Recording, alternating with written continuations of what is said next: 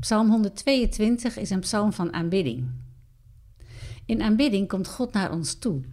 Het is niet een gevoel voor God dat we uiten in aanbidding, maar door aanbidding gebeurt er iets in onze zielen. God vindt een landingsplaats in ons.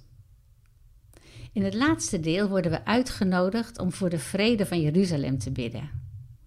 Ware aanbidding gaat altijd over in de wens om God groot te maken, om zijn naam te eren.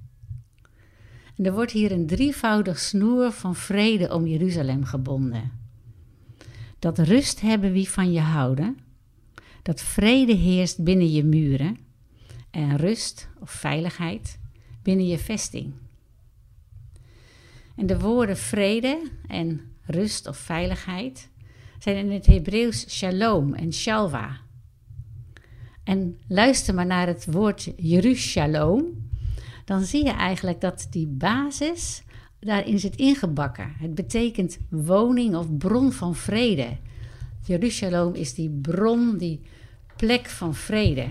En, en het Hebreeuwse shalom omvat veel meer dan ons woord vrede. Iemand zei is shalom als vrede definiëren is hetzelfde als een persoon definiëren met zijn burgerservice nummer. Shalom omvat alle aspecten van heelheid die ontstaan als Gods wil in ons compleet is.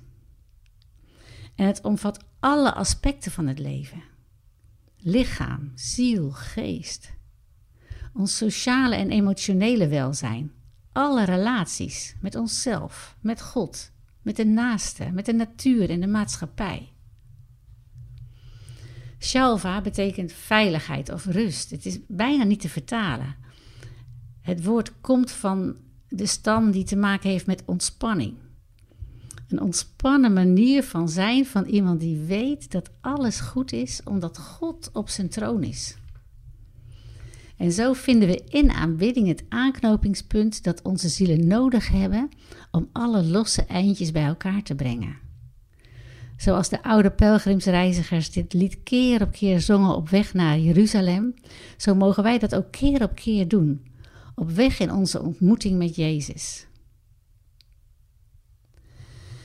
Zo danken u, Jezus, dat u vriendelijk bent en nederig van hart en dat we in u rust voor onze zielen mogen vinden. Dat onze bestemming niet langer een plaats is, maar een persoon en dat u dat bent. En we danken u, Vader God, dat we ons steeds weer in u mogen verheugen, omdat u nabij bent. We danken u dat we onze vragen bij u mogen neerleggen en dat uw vrede, die het verstand te boven gaat, onze harten zal beschermen. Amen.